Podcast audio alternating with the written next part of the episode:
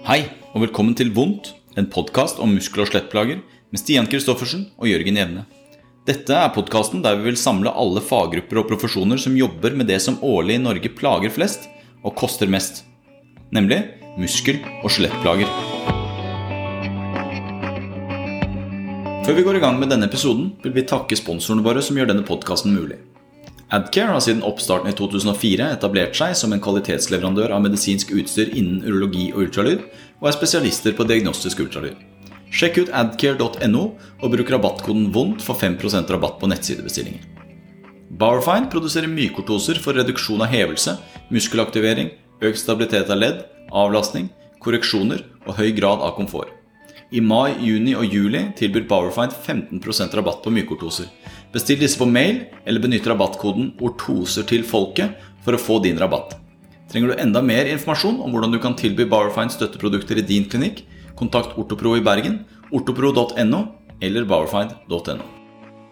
Hei, da er vi inne med en ny episode av podkasten Vondt. En podkast om muskel- og skjelettplager. Og i dag så har vi vært så heldige å få med oss nevrokirurgen Clemens Weber fra Stavanger. Velkommen, Clemens. Tusen takk. Tusen takk for eh, invitasjonen.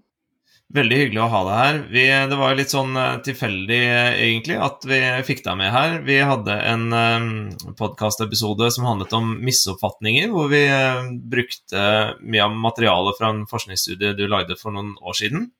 Ja. Um, og så var det da via vår gode venn i Stavanger, Magnus Homsø, som uh, dere er i løpegruppe sammen, skjønte jeg? Det stemmer, det. ja. Og da tenkte vi at eh, da, jo, eh, da, ble jo det en kjempefin anledning til å faktisk få mannen bak forskningen til å komme og snakke om sin egen studie, og enda mer. Så um, du kan jo få lov til å fortelle litt om bakgrunnen din før vi suser i gang videre. Hvem er du, og hva gjør du? Um, ja, jeg er født og oppvokst i Tyskland, Nord-Tyskland, og um, kom til Norge for uh, vel ti år siden. Og um, har uh, ja, tatt min uh, legestudie i Tyskland, og så deler av min uh, utdanning i Tyskland og deretter i Trondheim. Og for fem år siden flyttet jeg til Stavanger og jobber nå som overlege i nevrokirurgi her. Um, jeg driver hovedsakelig med spinalkirurgi, altså 70% av min hverdag er rygg og nakke. Eh, kirurgi. Um, og um, ja, i Trondheim tok jeg en doktorgrad på NTNU, som da også gikk mye om bildediagnostikk og spinale problemstillinger. Både innenfor uh, spinale svulster, uh, spinal stenose og lumbale prolapser. Um, ja, og um, den studien som du snakket om, har vi jo publisert for to-tre år siden. 2017 var det vel. Um, og um, det var jo egentlig mer en kopi av en studie som, uh, som uh, noen amerikanske uh, ortopeder, tror jeg, har gjort. Og um, den har jo blitt diskutert litt, men uh, det er veldig kjekt at dere uh, har uh, lest den og sett den. og invitert meg her i dag. Ja, altså Som vi, som vi sa i podkasten også, så, så, mener jo jeg at den studien er eh, meget undervurdert. Eh, hvis man går og ser på hvor mange ganger den er eh, sitert, så er det jo egentlig ikke mange i forhold til hva, hva studien egentlig forteller, da, som, som, kanskje er det som jeg og Stian har vært mest opptatt av. Sånn, hva, hva betyr den for, for, oss som sitter her med, med pasienter? og, og og opplever disse, disse, problemstillingene sånn på nært hold. Eh, og, og, tematikken i dag, eller det vi kanskje ønsker å ta videre i dag, er jo dette med delt, delt beslutningstaking. Eh, som dere skriver litt om i den artikkelen, men vi kan jo kanskje bare begynne der. Hva, hva betyr, eller hva legger du i delt beslutningstaking? Altså, delt beslutningstaking er jo en del av den prosessen som skjer på poliklinikken vår når vi vurdere en pasient. Um, ulempen hos oss er jo at mange pasienter allerede har snakket med andre helseprofesjoner, med en fastlege eller en fysioterapeut eller en kiropraktor. Um, mange har lest litt på nett og uh, prøvd å informere seg der, og uh, kommer med en mening eller en diagnose til oss. Og uh, selvfølgelig også med en del forventninger. Og um, det er jo da alltid en utfordring. Um, og spesielt når du ikke skal operere en pasient. Når du ikke finner en operasjonsindikasjon. Uh, og da forklare pasienten hvorfor man skal gjøre det ene eller det andre. Og um, det avhenger jo veldig av uh, legens um, ja, evne til å, til å, kommunisere ulemper og fordeler eller risiko og nytte med et kirurgisk inngrep. Um, og det må tilpasses hver, hver enkelt pasient, selvfølgelig. Det er også en stor utfordring her. Um, jeg syns det er veldig spennende at det har altså For meg var det relativt nytt egentlig at det er eh, at det egentlig anvendes mer og mer også andre, på andre områder, uh, eh, f.eks. fysioterapi. Um, jeg trodde egentlig alltid at det var mer en sånn kirurgisk greie, men uh, ja. Ja, vi står, vi står i den samme suppa, alle sammen. Ja, for Det er jo litt det vi har, har diskutert også, at, at, dette delt beslutningstaking altså hvor mye, hvor mye forkunnskap og, og, og, kunnskap i utgangspunktet da, krever det av en pasient for å være med i det som kalles delt beslutningstaking. Altså Jørgen tok opp dette i den forrige episoden vi snakket om denne studien, eh, med at det var vel en venninne av deg som, som var liksom litt indignert over at fastlegen hadde stilt henne spørsmål ja, hva synes du vi skal gjøre? At mange har jo, dette, har jo denne forutinntattheten at når de kommer til f.eks. en kirurg Det er kanskje enda tydeligere hos dere enn det er hos oss, men at det er jo vi som skal vite best. Du, du, skal, du som kirurg skal jo egentlig bare si at nei, du skal operere eller du skal ikke operere. Det å, å få med pasientens egne verdier og tanker rundt det har, har kanskje ikke stått så, så sterkt. Det er vel litt det inntrykket vi står med som ikke er, er kirurger. Så, så måte, hva, hva tenker du hva er det som er viktig å få fram for å si at vi gjør delt beslutningstaking på best mulig måte? Altså Det er veldig avhengig av uh, pasienten. Er, noen pasienter er jo ikke interessert i det hele tatt til å delta i denne prosessen. De bare kommer og sier 'fiks meg', uh, mm. eller ikke.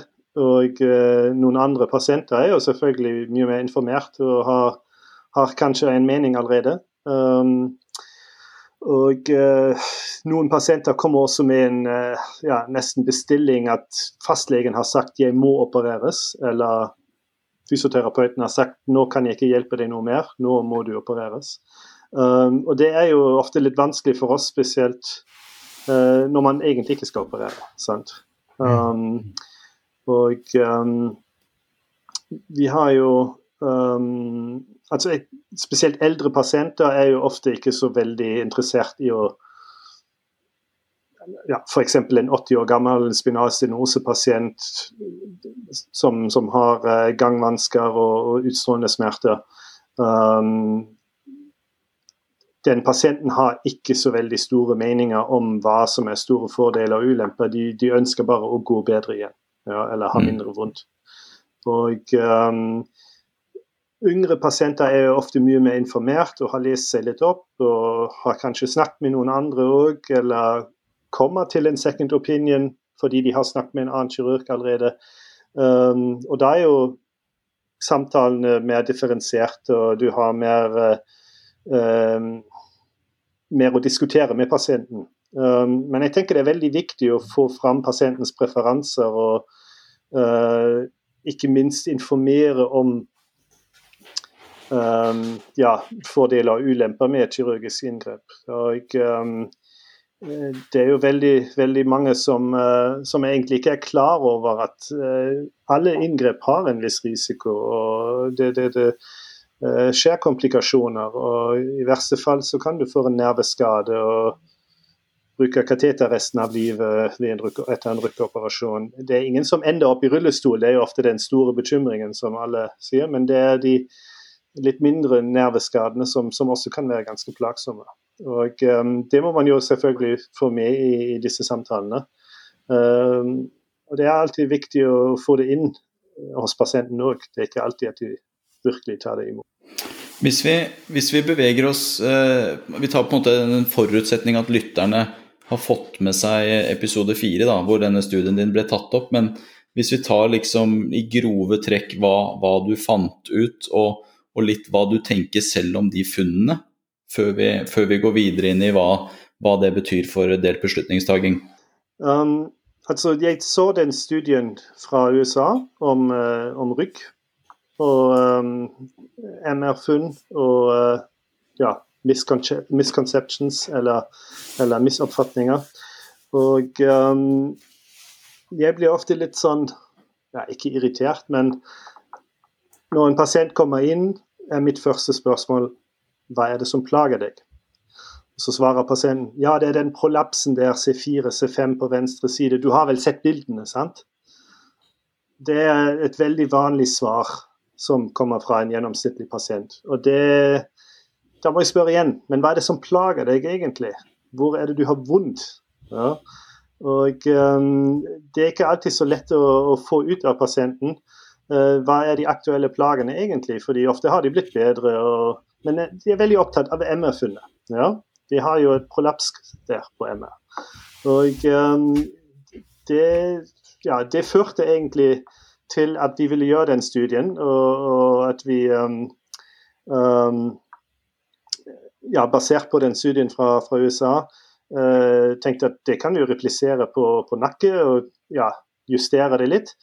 Og på det tidspunktet har jeg vært på en sånn uh, kort uh, fellowship i, i München um, hos professor Maya, som er en av ja, Europas største nevrokirurgiske avdelinger med nesten 5000 operasjoner per år og massevis av forskning. og da har jeg snakket med en av de overlegene der, og tenkte ja, vi kan gjøre det sammen og se litt. Er det noe forskjell mellom lille Stavanger og, uh, og store uh, München? Og um, det var ikke så store forskjell, overraskende nok. Um, jeg trodde jo egentlig at pasienter i Tyskland skulle være litt mer informert og oppdatert, fordi i det tyske systemet er det jo ofte sånn at en pasient som opereres eller henvises til et universitetssykehus, allerede har vært hos en spesialist, altså en mm. privatpraktiserende ortoped eller eh, nevrokirurg eller smertelege eller noe sånt, og egentlig skulle ha fått mer informasjon enn en pasient her som kommer direkte fra en fastlege. Ja. Um, og det var jo veldig overraskende at så mange pasienter uh, da trodde egentlig at, at MR-funnet var så mye viktigere enn klinisk undersøkelse og anamnese. Og uh, enda mer skremmende var det jo egentlig at så mange pasienter var villige til å la seg operere, bare, bare basert på, på et MR-funn, uten at de egentlig hadde noen store smerter, eller også når smerten hadde gått over. Har du, har du gjort deg noen tanker om hvorfor det har blitt sånn? Det er jo veldig mye fokus på teknologi generelt innenfor medisin. Og um,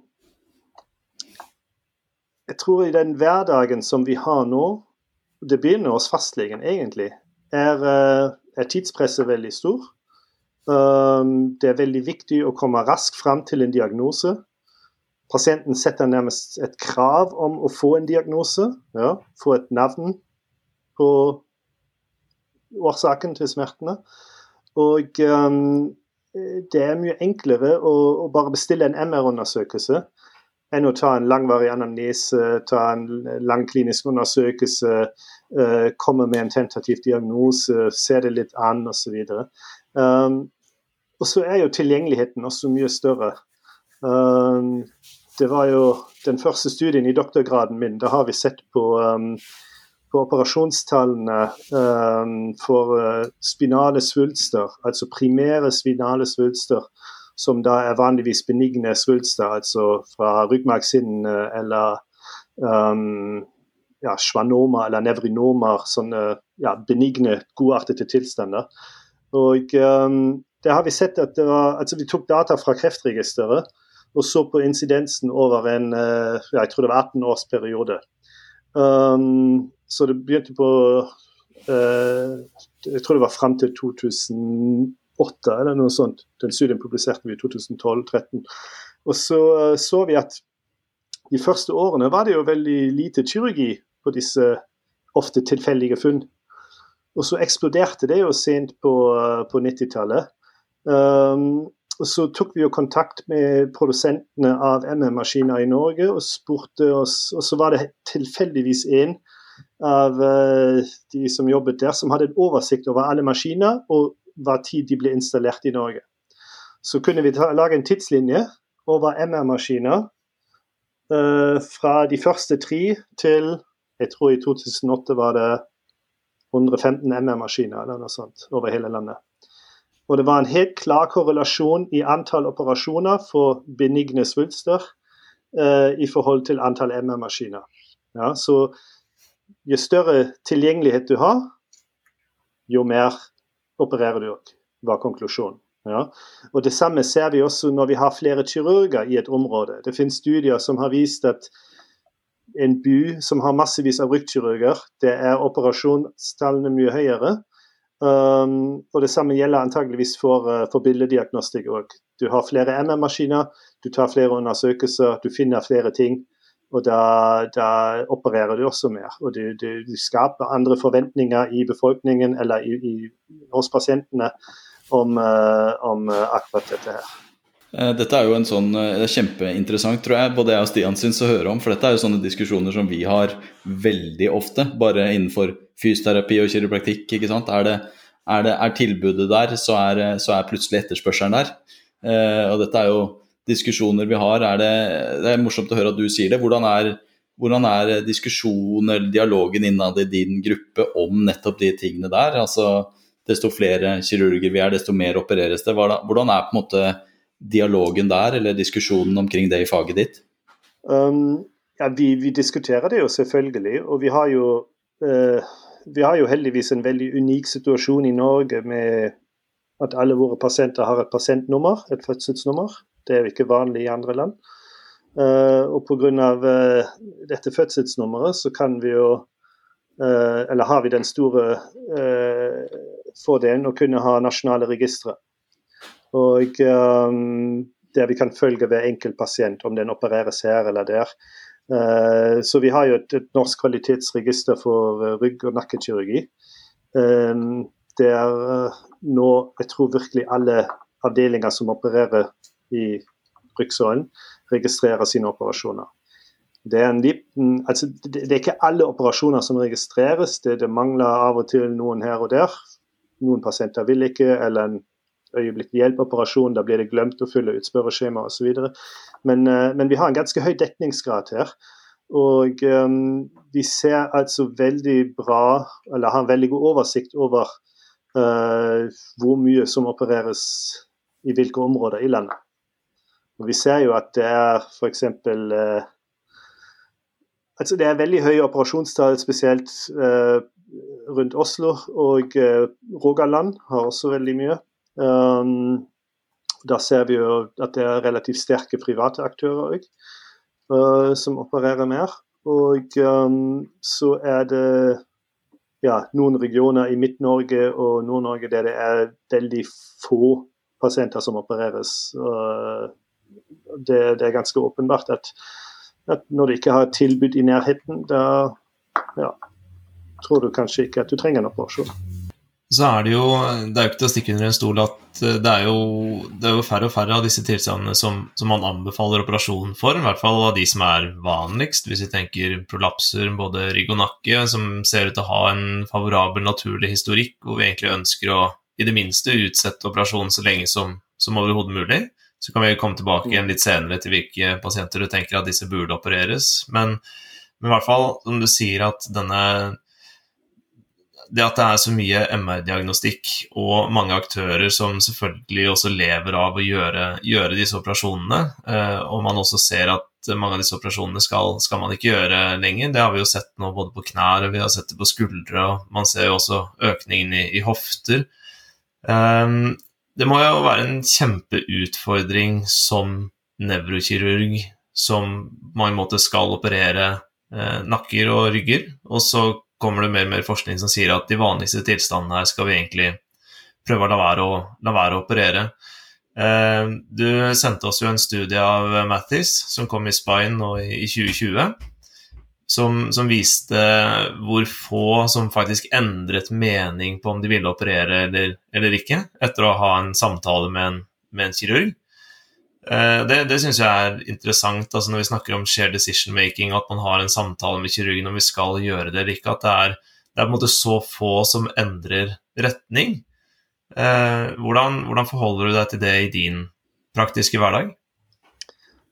Altså, nå er jeg i den heldige situasjonen at jeg ikke er så veldig avhengig av å operere mye eller, eller lite.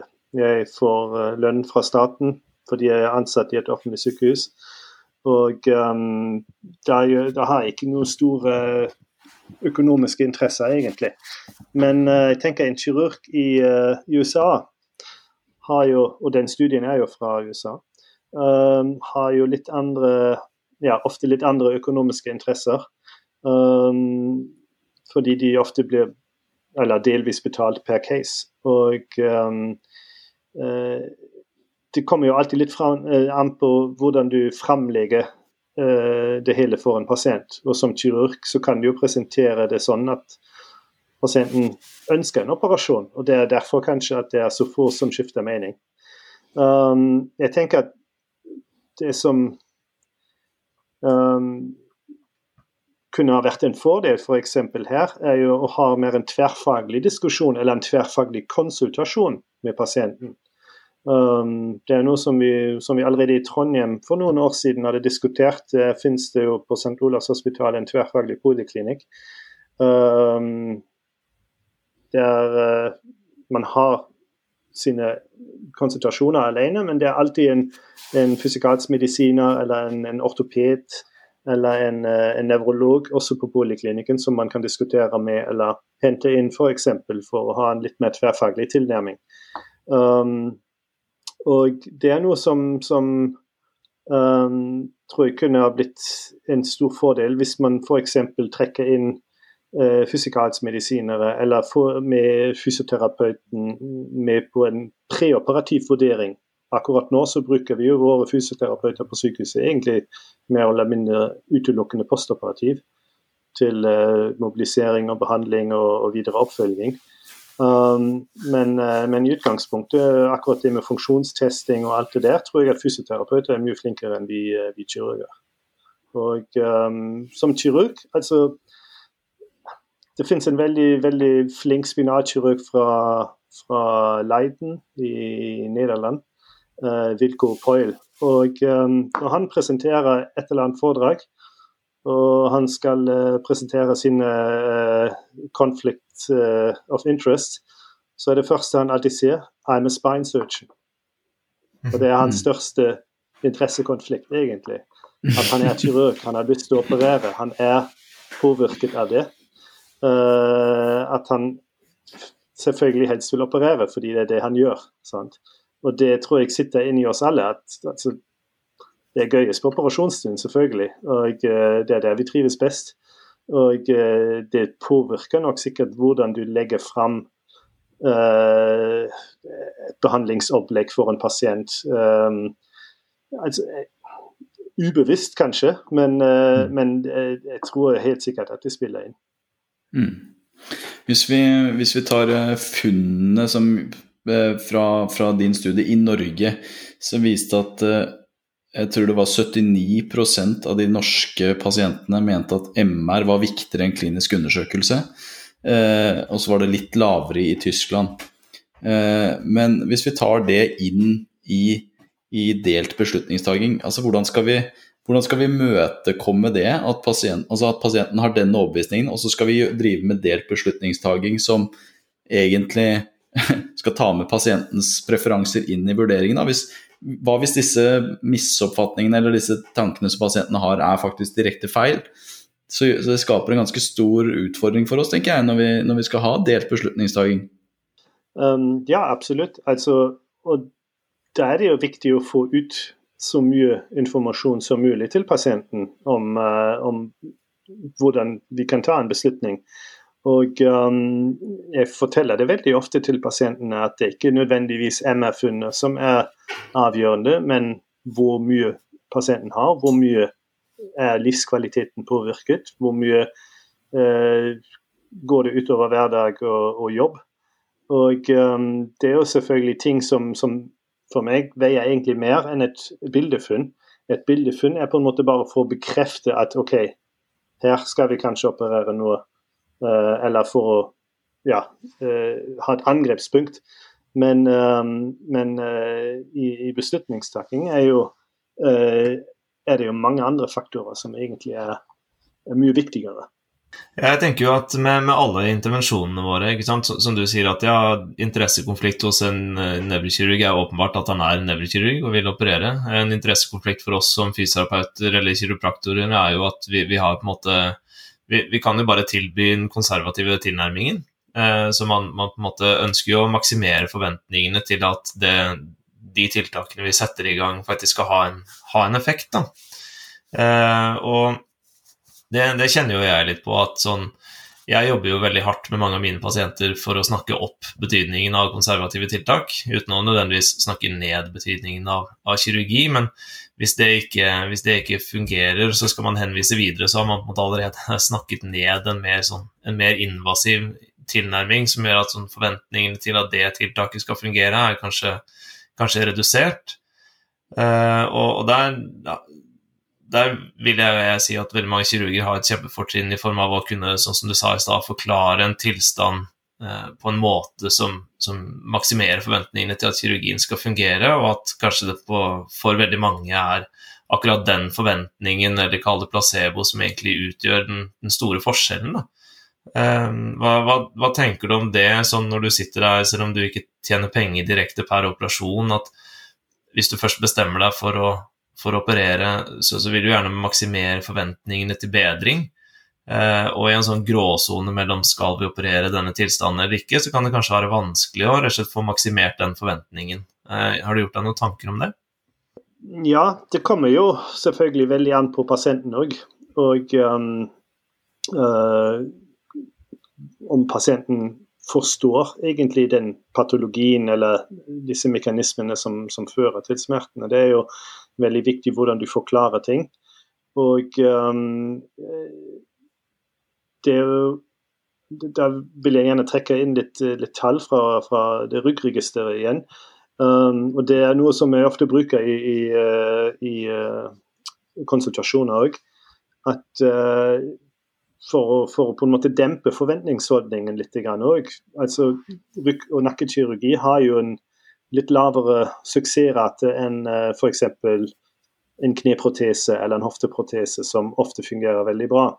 Um, men uh, en spinal stenoseoperasjon f.eks., og der har vi jo tall fra, fra vårt ryggregister på, på, den norske pasientpopulasjonen som har operert de siste årene.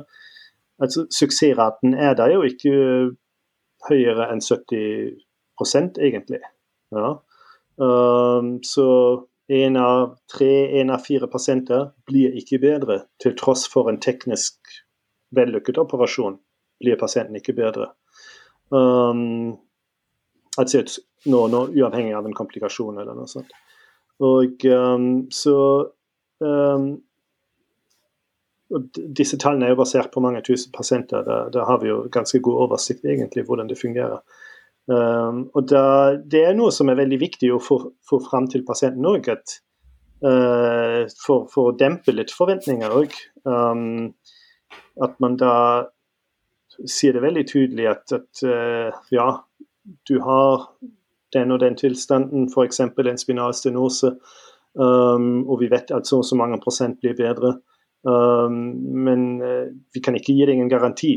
Uh, og uh, det er selvfølgelig en utfordring som, som, vi også må ta med i, i disse samtalene, og i, i, eh, ja, i den delte beslutningstakingen, selvfølgelig.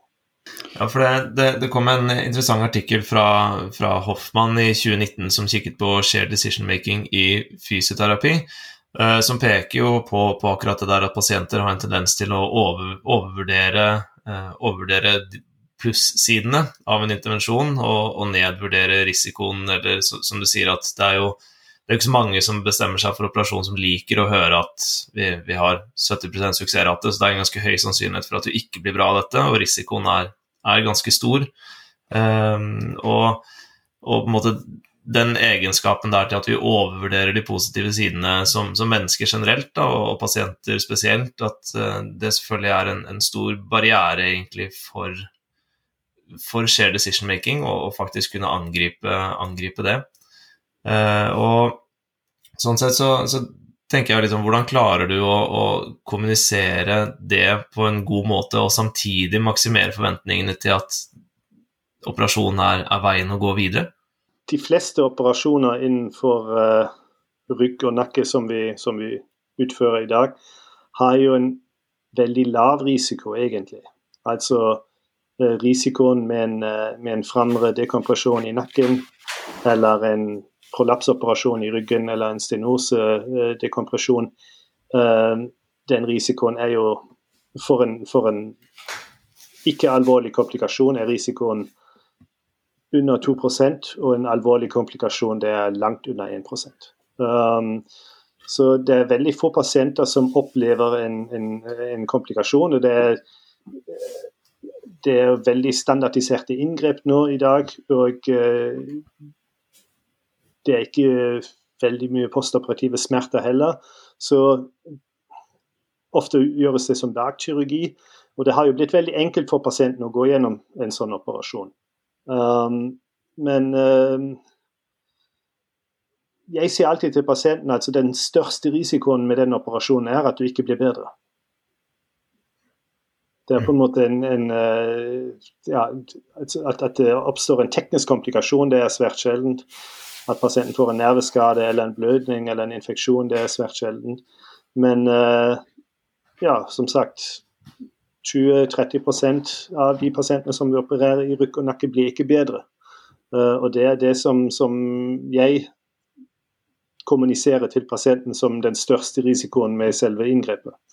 Um, og um, da er jo veldig mange pasienter ofte litt overrasket at, at uh, det er så mange som ikke blir bedre. At det er én av fire eller én av fem som ikke blir bedre. Um, de fleste tror nok at det er langt over 90 den, den suksessraten med våre operasjoner. Og det er det ikke. Og det er veldig viktig å få fram til pasienten. Skulle du ønske at uh, den informasjonen hadde kommet fram til pasienten på et tidligere tidspunkt enn at du får den i fanget på kontoret ditt? Absolutt. veldig gjerne. Fordi det tenker jeg jo er, det tenker jeg er en, en, en sånn det er jo, det er jo noe, noe ballsy hos en fysioterapeut eller kiropraktor å, å, på en måte ta den samtalen med en pasient. Altså, jo, jeg henviser deg til nevrokirurgen, men hør nå her at, uh, at 30, ca. 30 blir egentlig ikke bedre. Uh, altså sånn, jeg tror mange henviser kanskje videre når de føler at de ikke kan hjelpe mer, og så begynner de allerede da å maksimere forventningen til at kirurgi er løsningen, og så kommer de inn til deg, og så er det du som får den kjipe jobben med å legge fram de edruelige tallene. da. Så jeg tenker at Det stiller ganske store krav til oss også som, som fysioterapeuter som kanskje har hatt disse pasientene over lengre tid, og faktisk ta den samtalen lenge før de faktisk kommer på kontoret ditt, så det ikke i hvert fall er helt nytt stoff for dem. Ja, absolutt. Altså, Kanskje man skulle gjort det omvendt, at vi opererer alle de enkle, klare uh, prolapsene med, med radikulopati. og de, de, vanskelige ryggene med uspesifikke ryggsmerter og alt det der, de fortsetter hos fysioterapeut. Men uh, da, har vi, da, har vi, da, får vi sikkert 100% suksessrate. Altså, man kan jo selvfølgelig uh, pynte litt på den suksessraten òg, når man bare selekterer helt klare indikasjoner. sant? Um, de har jo en, selvfølgelig en del pasienter som har litt gule flagg og litt andre problemstillinger i tillegg. Uh, kanskje litt angst eller andre kroniske muskel-skjelettsmerter. Uh, en uavklart arbeidssituasjon, en eller annen, annen stress eller stressfaktor som gjør at operasjonen ikke er vellykket. Og Det er jo generelt et problem i muskel-skjelett Eh, kirurgien. Det er ikke bare rygg og nakke, det, det, gjelder vel også uh, andre plasser i kroppen. Um, og ikke bare kirurgi, sikkert også fysioterapi og andre behandlingsformer. Men um, um, det, er jo, det, er jo, selvfølgelig en utfordring, absolutt. og vi har jo muligheten egentlig til å selektere ut kun pasienter som, som ikke har sånne gule flagg. Og, som jeg, som, jeg, kaller det, og som har en helt klar radikulopati og en, en tydelig, tydelig prolaps. Og Hvis jeg bare hadde operert sånne pasienter, så hadde jeg jo selvfølgelig hatt 100% suksessrate. Men vi har jo ikke alle den perfekte pasienten. Vi har jo mange pasienter som har litt andre problemer i tillegg. Og det, det er jo Men, men de, de, prøver jo å hjelpe, de òg. Og uh, noen kirurger er jo litt mer aggressive og opererer veldig mye også på sånne pasienter. Eller ja, lar seg overtale til å operere, eller uh, gjøre det som et aller siste forsøk fordi ingenting annet har fungert. Um, og da uh, Det er nok en utfordring, selvfølgelig. Og at, at ikke alle pasienter er uh, perfekt med en helt klar diagnose. sant? Uh, jeg kunne tenkt meg at vi diskuterer litt Du tar det opp selv flere ganger, dette med suksessfaktor, da, eller kall det suksessprosent, eller Eh, for Det også er jo litt sånn vagt definert, kanskje. Altså, la oss si at 75 av, av operasjonene er vellykkede, da, eller har klinisk suksess. Men, men eh, hva er det? Ikke sant? I den 75 %-gruppen så er det jo også en, en rekke subgrupper av forskjellige måter å måle suksess på. Eh, vi får jo ofte pasientene tilbake etterpå hvor, hvor, kanskje operasjonen er betraktet som en suksess eller vellykket, men som pasienten kanskje ikke opplever det. Så Det også er jo en sånn forventningsavstemning og en, en, av de, en, av de, misoppfatningene kanskje som burde vært kartlagt på forhånd, enten av oss eller av kirurgen som opererer. Hva, hva, er, det, hva, hva er det vi betrakter som en suksess? Ja, og ikke bare den Det er også en forskjell hva, hva, vi betrakter som suksess, eller hva pasienten betrakter som suksess. Um, men det er gjort en del forskning på, på dette området òg. Og um, akkurat det med uh, defining uh, success uh, criteria. Og um, det gjør vi f.eks. også i, i, dette ryggregisteret, eller rygg- og nakkeregisteret. Der vi har forskjellige spørreskjemaer, livskvalitets uh, um, indeks og um, pasienten blir direkte spurt i disse spørreskjemaene om de har det mye bedre nå, litt bedre, uh, helt smertefri osv. Um, det er ting som vi prøver å fange opp med disse spørreskjemaene, som egentlig alle våre rygg- og nakkepasienter får etter tre måneder og tolv måneder. Uh, og da kan vi gå inn og, og egentlig definere suksesskriterier. Og selvfølgelig også risikofaktorer for at en pasient kanskje ikke blir bedre. Ja. Eh, de tallene der er såpass store at vi har nok pasienter til å, til å finne ut om, eh, om noen tilstander eh, gir en økt risiko for at pasienten ikke blir bedre etter en operasjon. Ja, så, um, det har vi sett på i forbindelse med både spinalstenose og lumbale prolapser. Uh, det er en del forskning som pågår der. Det som man tror det er en gruppe fra Tromsø, det er dette registeret sitter, um, som holder på å utvikle en, uh, en sånn, um, et sånt risikoverktøy. Uh, jeg tror nå er det basert på prolapspasienter først, globale prolapspasienter. Uh, et verktøy der du kan uh, på en måte legge inn forskjellige uh, parametere og definere eller, eller, regne ut en slags ja, suksess anslag om, det er 50, 60, 70, 80, 90% sjanse for at man blir bedre. Så eh, det, det, er ting som skjer der, og det er noe som vi, som vi kommer til å bruke mer og mer tror jeg, i framtiden. Eh, vi har, jo, vi har jo vært litt, eh, litt, inne på det, kanskje. Din løpevenn Magnus har et spørsmål her som han har sendt inn. Eh, hvis vi tar utgangspunkt i, i, i Misconceptions-artikkelen din, så har han spurt hvordan er Clemens og andre sine funn fra forskningen formidlet til oss henvisere i Norge? Opplever dere at det er kunnskap om dette her i førstelinjen? Um, jeg tror det er store forskjell her, og stor variasjon. Um, og altså, vi får jo henvist pasienter fra forskjellige uh, profesjoner, forskjellige institusjoner. Både internt i sykehuset, en pasient som var hos en nevrolog eller en ortoped, eller uh, pasienten har kommet fra fastlegen eller fra, fra en fysioterapeut eller kiropraktor, manualterapeut. Så det er jo det er veldig forskjellig hva pasienten har fått eh, av informasjon, og hvor mye den henviseren f.eks. kan gi informasjon. Det er også veldig forskjellig. Og eh, en fastlege, en allmennmedisiner Jeg forventer ikke at en allmennmedisiner som har 25 forskjellige diagnoser på kontoret hver dag, eh, skal kunne alt om, om våre prolapsoperasjoner eller hvordan misoppfatninger eller, eller suksesskriterier skal være. Og um, vi prøver jo å få ut ting, selvfølgelig. F.eks. den, den MR-studien der med misoppfatninger, den ble jo da diskutert i Dagens Medisin, f.eks. Uh, det kom en liten, uh, et lite uh, innlegg om, om, den studien der. Um, og Dagens Medisin fordeles jo til alle leger, i hvert fall i, i Norge. Um, så jeg tror nok at, at, flere har kanskje hørt eller lest om det. Men uh, mm. om det er noe som blir hengende og, og tas videre i, i, den kliniske hverdagen til hver eneste fastlege, det tviler jeg på. Um, vi prøver jo selvfølgelig å, å, formidle også på andre måter, på fagdager eller uh, ja, at man selv legger det ut på Twitter f.eks. eller andre plasser. Men, eh, eller annen interessant forskning òg, selvfølgelig, som man prøver å få ut via sosiale medier eller andre, andre kanaler. Um, men det er jo veldig veldig forskjellig hvordan det mottas, eller om, om folk mottar det i det hele tatt. Mm. I, um, I, studien din eh, Clemens, så hadde dere jo pasienter som allerede var henvist, for, altså henvist til nevrokirurg.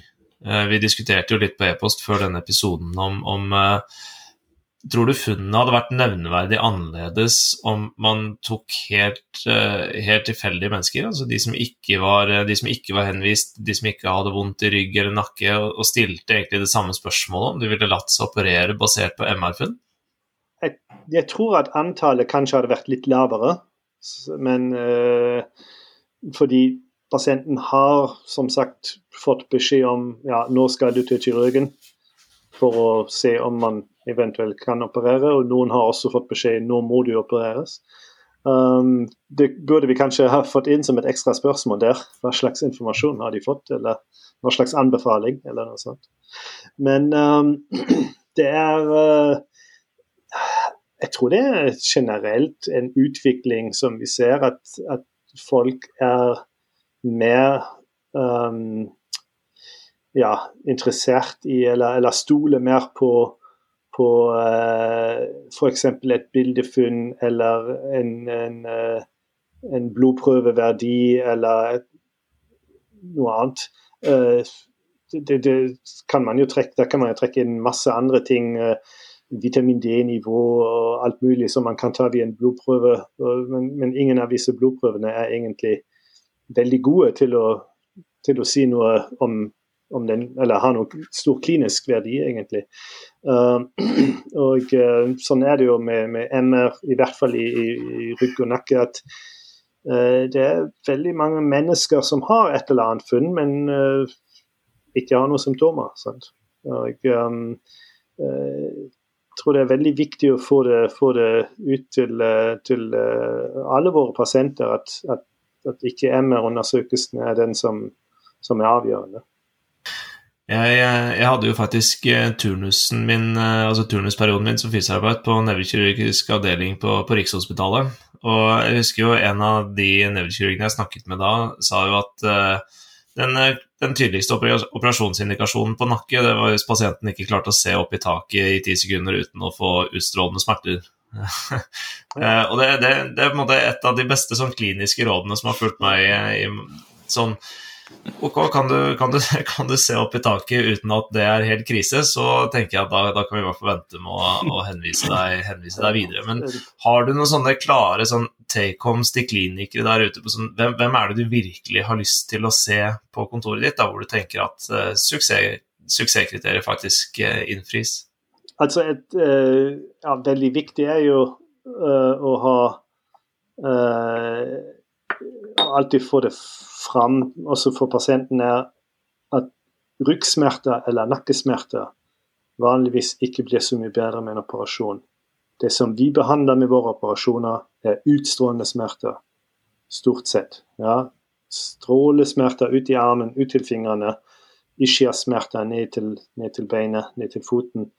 Um, det er der vi har egentlig mest suksess. Uh, en pasient som har uh, dominerende nakkesmerter, og kommer med et lite prolaps eller en liten stenose eller en ja, muligens nervepåvirkning på MR, men har ingen utstrålende smerter, denne pasienten vil ikke ha nytte av en operasjon, vanligvis. Um, uh, og um, det er også veldig viktig å, Det er noe som vi sier ofte til pasienten, at, at strålingen blir bedre etter operasjon, eller vanligvis bedre etter operasjon, mens store nakkesmerter eller store ryggsmerter er ikke det som, som, eh, vi behandler med et operativt inngrep. Uh, det finnes selvfølgelig noen få diagnoser uh, der vi også anbefaler en operasjon hvis det er f.eks. en instabilitet eller en, en, traumatisk skade som gir lokale smerter. Da er det selvfølgelig noe annet. Men, men det som vi opererer på degenerativt grunnlag, altså prolapser og, og stenoser, um, da er det ofte slik at, at utstrålingen er det som, som må være hovedsymptom uh, for, for, å kunne ha en, en god operasjonsindikasjon. Eh, da er det jo helt nærliggende å ta eh, kollegaen til Magnus sitt spørsmål her. Han heter Helge. Han spør uttrykket 'betydelig kraftnedsettelse' i forbindelse med operasjonsvurdering av nerverotsindikasjon syns jeg er uklart. Når regnes kraftsvikten som betydelig, og foreligger det objektive mål for dette? Nei, dessverre er det jo ganske Eller ikke så lett. Um, jeg tror den, den, kraftgraderingen som vi bruker fra null til fem, um, er egentlig en ganske dårlig uh, undersøkelse. Det er um, store individuelle forskjell mellom undersøker til undersøker her. Og um, vi ser jo veldig veldig få pasienter som virkelig har en reell, betydelig kraftnedsettelse. Altså, jeg tror det er veldig viktig at pasienten, når du skal undersøke pasienten og har mistanke om en alvorlig parese eller en alvorlig kraftsvikt, um, pga. en nevrotpåvirkning, så må pasienten være smertefri. Den må, må ha god smertelindring med opiater eller et eller annet uh, for å kunne gjøre en skikkelig klinisk undersøkelse av, av um, kraftgraden. Fordi kraftgraden blir, blir, veldig mye påvirket av smerter. Når en pasient har store ischiasmerter uh, og har muligens en lettgradig uh, ankelparese eller noe sånt, så, så blir den ankelparesen verre uh, når pasienten har veldig sterke smerter uh, mens du undersøker. Og um, jeg tenker at det er også veldig forskjellig fra pasient til pasient. Altså om en 80-åring uh, som bare går til postkassen og tilbake én gang per dag, har en lettgradig svikt i den ene foten, det er kanskje ikke så alvorlig.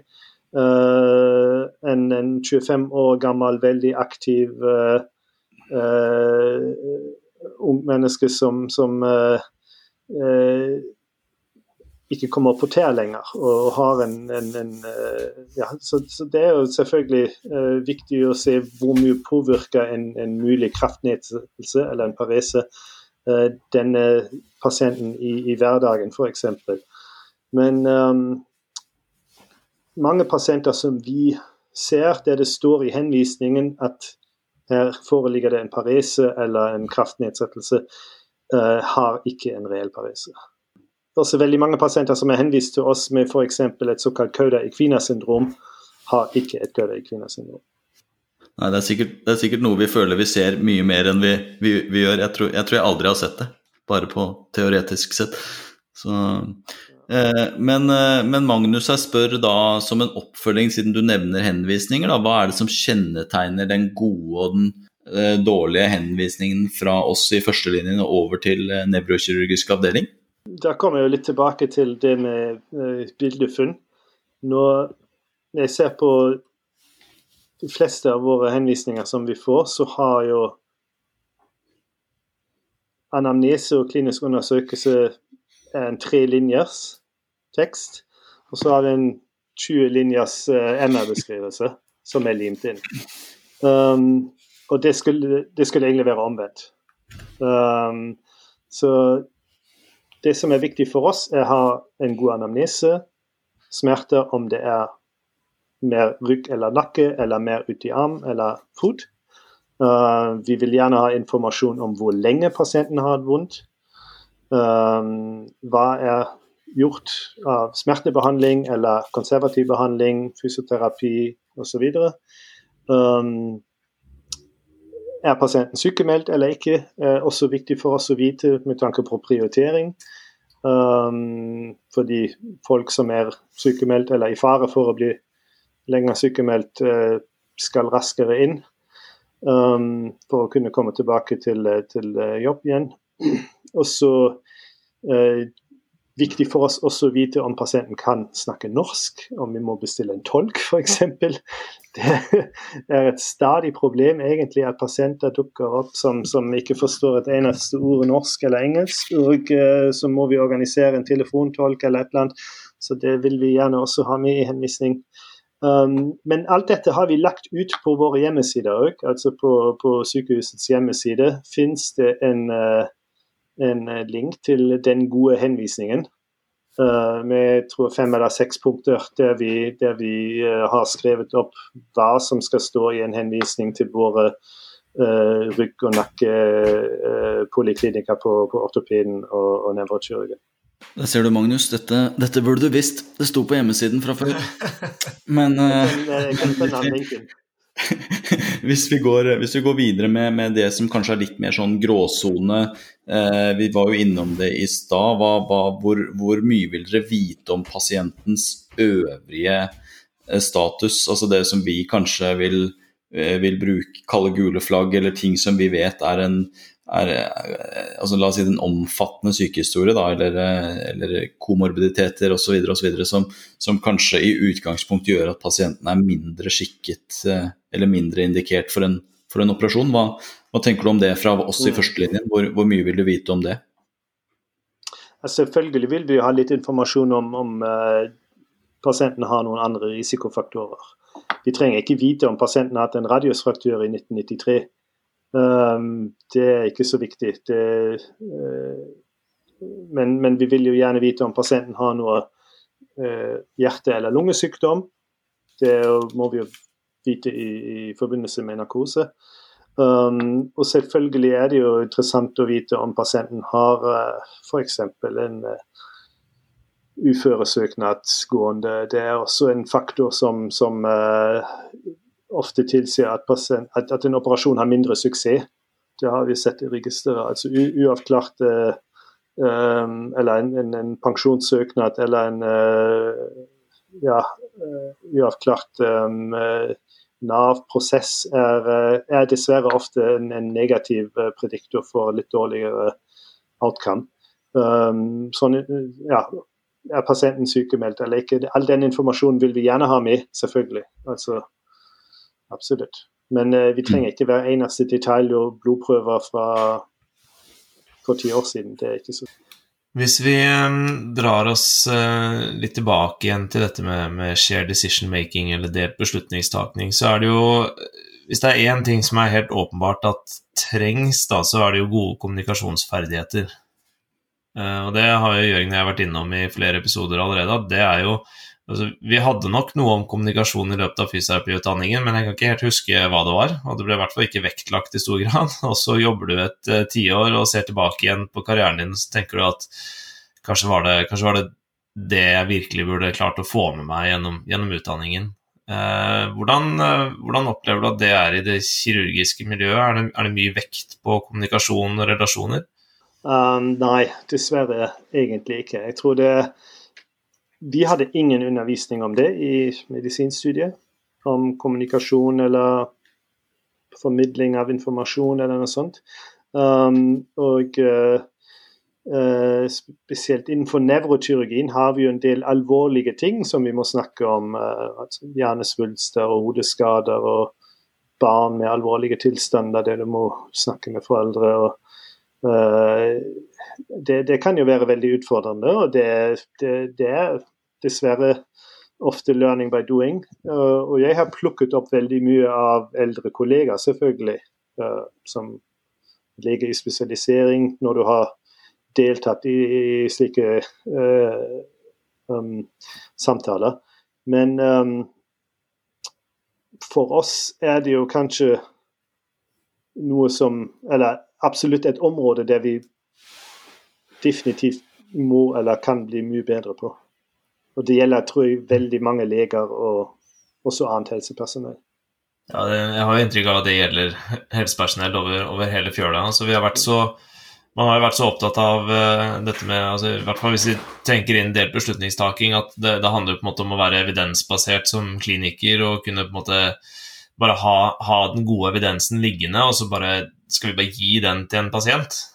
Uh, men at det er jo i mye større grad snakk om hvordan du klarer å kommunisere dette på en måte som faktisk uh, setter pasienten i, i, fokus, og som gir dem den forståelsen til at man kan ha en dialog da, mellom nytte versus risiko, og hvilke veier er det vi har videre, på en måte som faktisk skaper, skaper en trygghet. For det er jo det holder jo på en måte ikke bare å, å slenge, en, uh, slenge, en, artikkel i bordet og si at jo, jo, men hør nå her, det er 30% i, i aldersgruppen som har prolaps uansett. Så, så, jeg tenker at vi bare fortsetter med det vi, det vi, gjør her, og så si at det var delt beslutningstaking, for da vet pasienten hva vi snakker om.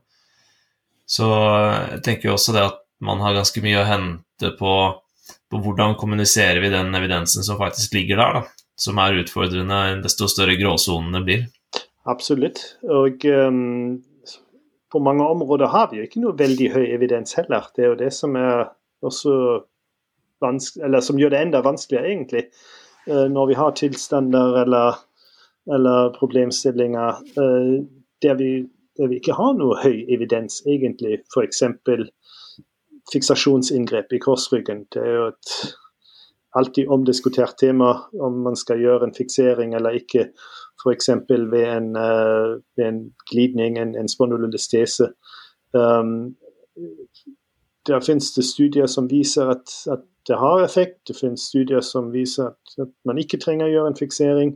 Um, og um, da har vi ikke, ikke, god nok forskning som vi kan støtte oss på i, uh, i uh, ja, den uh, decision-making-prosessen. Det, det, det, gjør det jo enda mer utfordrende på, på disse områder. Um, og Da går det jo mye også på egen erfaring og, og hva er pasientens preferens, og hva, hvor mye uh, har pasienten Ja, hvor Eller hvor viktig er det for pasienten å, å, å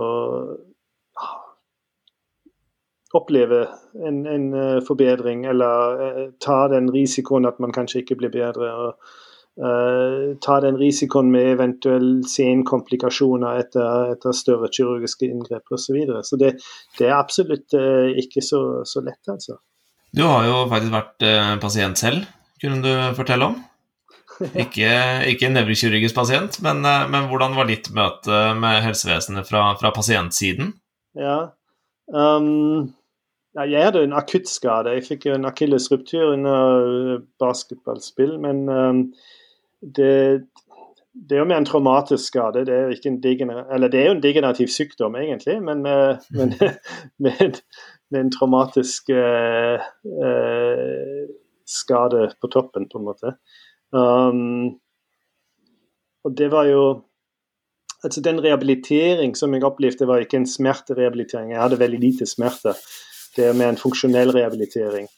Um, og da tror jeg det er litt andre utfordringer. Og ja, at man må lære seg å gå igjen og kunne stå på den uh, ødelagte ankelen og få tilbake stabiliteten og kunne løpe igjen og klatre i fjellet osv.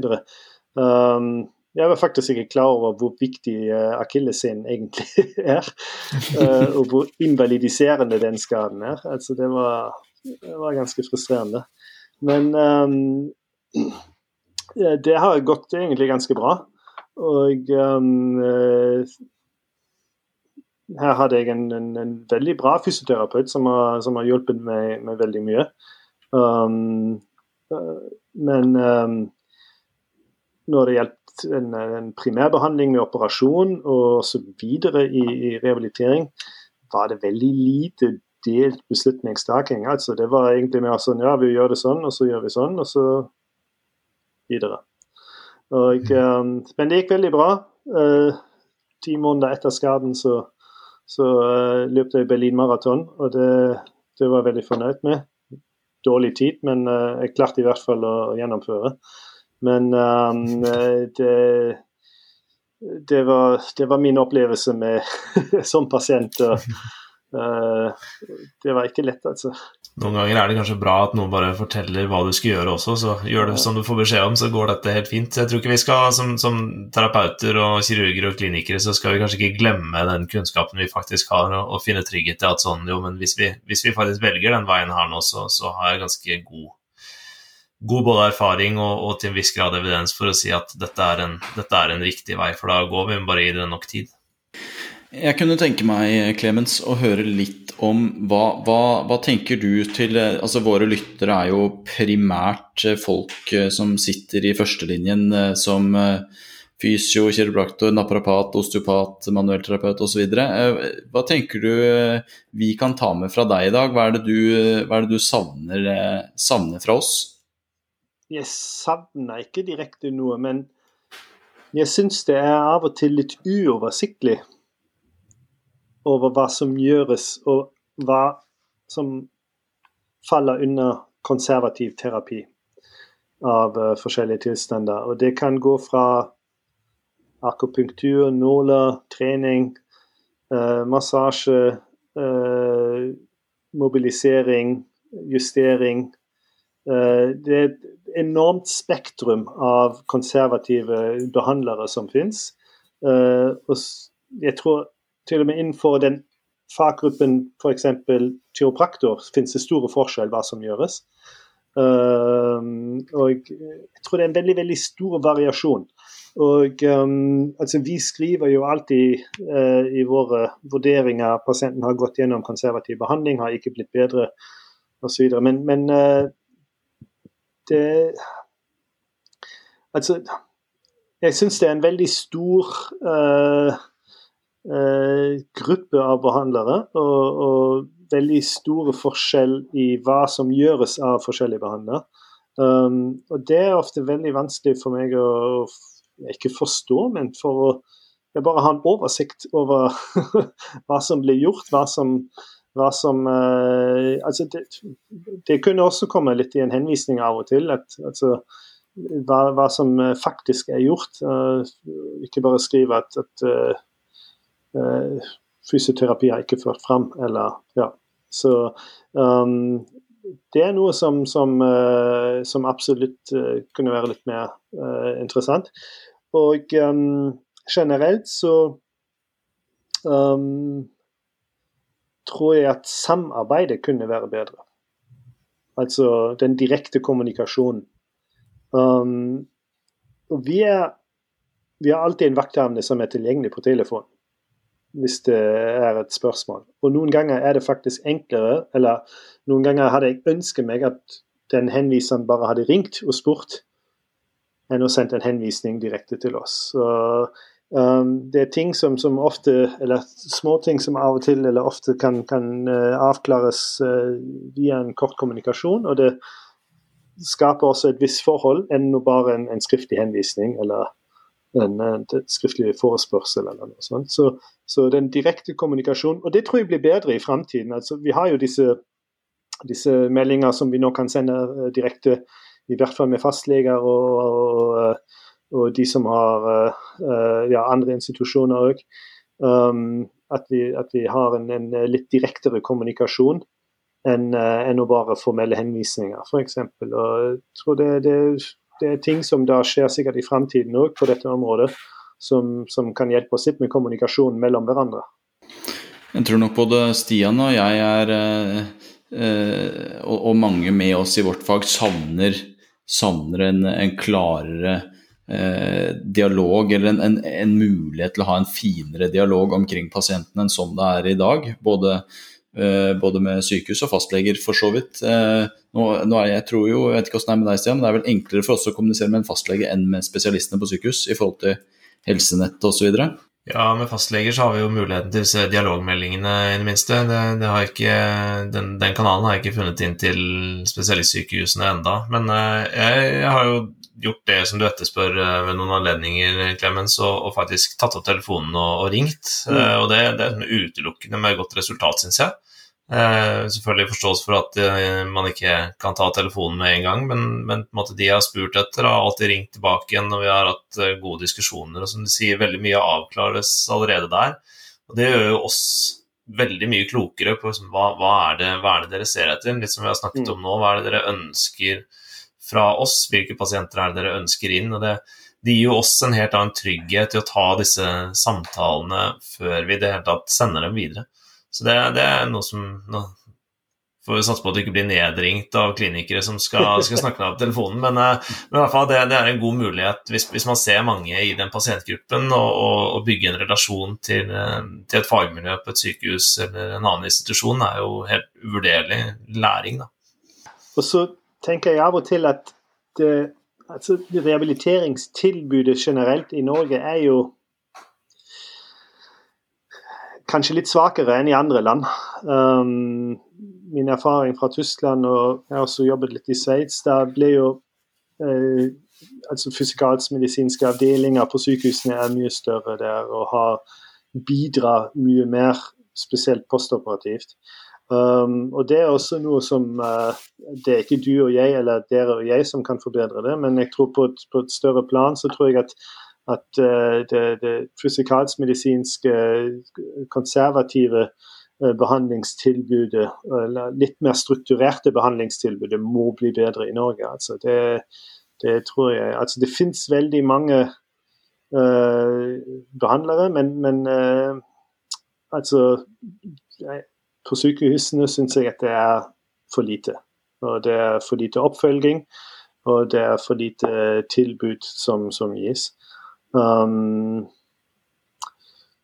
og Da er jo pasienten igjen overlatt til seg sjøl, og så, så, må han finne, finne seg sjøl en uh, fysioterapeut eller en behandler som kan, kan eventuelt hjelpe litt. Uh, og det, det, er ikke alltid så lett når du er 75 år og nettopp operert for en spinasinose.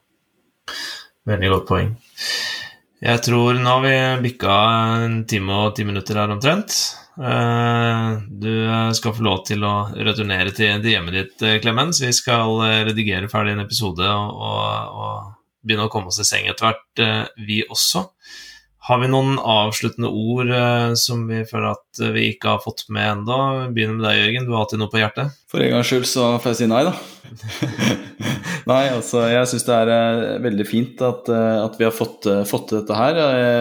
Eh, som sagt så er lytterne primært eh, andre terapeuter og klinikere ute i primærhelsetjenesten, så, så, forhåpentligvis eh, så kan podden her bli med på, på noe, at vi får det litt bredere ut. For det er klart at vi ser de samme pasientene. Og det om vi hadde fått inn en bedre dialog, en bedre mulighet for, for samarbeid på tvers av både spesialisthelsetjenesten og førstelinjen, det tror jeg hadde vært utelukkende positivt. Så vært kjempe, kjempeartig å fått lov å høre hva du har å si og hva du tenker. Jeg tror jo vi er veldig, veldig enige om mye av de store linjene, i hvert fall, i, i forhold til dette med kommunikasjon, delt beslutningstaking. Og jeg tror Stian og jeg er i hvert fall helhjertet enig i den jungelen som er ute i førstelinjen med eh, antall behandlere og eh, at, at, det er jo ikke noe struktur. ikke sant? Kiropraktikk er ikke kiropraktikk, og fysioterapi er ikke fysioterapi. Det, det kan jo være en million, med en million forskjellige ting som er blitt gjort. Så jeg tror vi begge savner den, eh, den systematikken og den strukturen der. Ja, nei, men uh, helt enig. Um, men uh, på de ti årene som jeg har vært i Norge, har jo også veldig mye blitt bedre allerede. Um, og vi må jo alltid si, eller jeg må alltid si at vi har et veldig godt helsevesen. Vi har jo uh, både innenfor primær- og, spesialisthelsetjenesten har vi jo veldig uh, mye uh, flinke behandlere og leger og kirurger. og i vårt fagfelt så, så, ser jeg jo at vi har mye uh, mindre av disse galninger som finnes rundt omkring i verden, som opererer i, i rykk og nakke og gjør vanvittige ting. Um, og da, da, ser jeg at vi i Skandinavia, eller spesielt i Norge, har en mye mer evidensbasert tilnærming til uh, en kirurgiske behandling, i hvert fall, uh, enn en, uh, en mange andre land. Og um, vi er på en veldig god vei, tror jeg, i, i ja, muskel- og skjeletthelsefaget. Men um, det er fortsatt en del ting som kan forbedres. Absolutt. Og jeg tror gjennom kommunikasjon og og samarbeid er det, er det ting som, som, kan bli bedre. Nydelige ord å runde av kvelden med. Eh, Clemens, tusen takk for at du tok deg tid. Dette var eh, en fantastisk morsom reise å få være med på. Så håper jeg at det ikke blir siste gangen vi snakkes eller møtes. Ja, tusen takk for eh, invitasjonen igjen, og på gjensyn, da. Jeg skjønte det var, det var din første podkast, var det ikke det? Så det blir den første av mange, kanskje? Ja, kanskje. det, burde, det, var, det var en god start, det her, Clemens. Det var, eh, det var kjempebra. Tverrfaglig start er alltid bra. vi får gjøre dette til en månedlig greie, tenker jeg. Da takker vi for oss. Eh, takk til dere som hørte på, og vi høres igjen eh, veldig snart. Tusen takk for i kveld.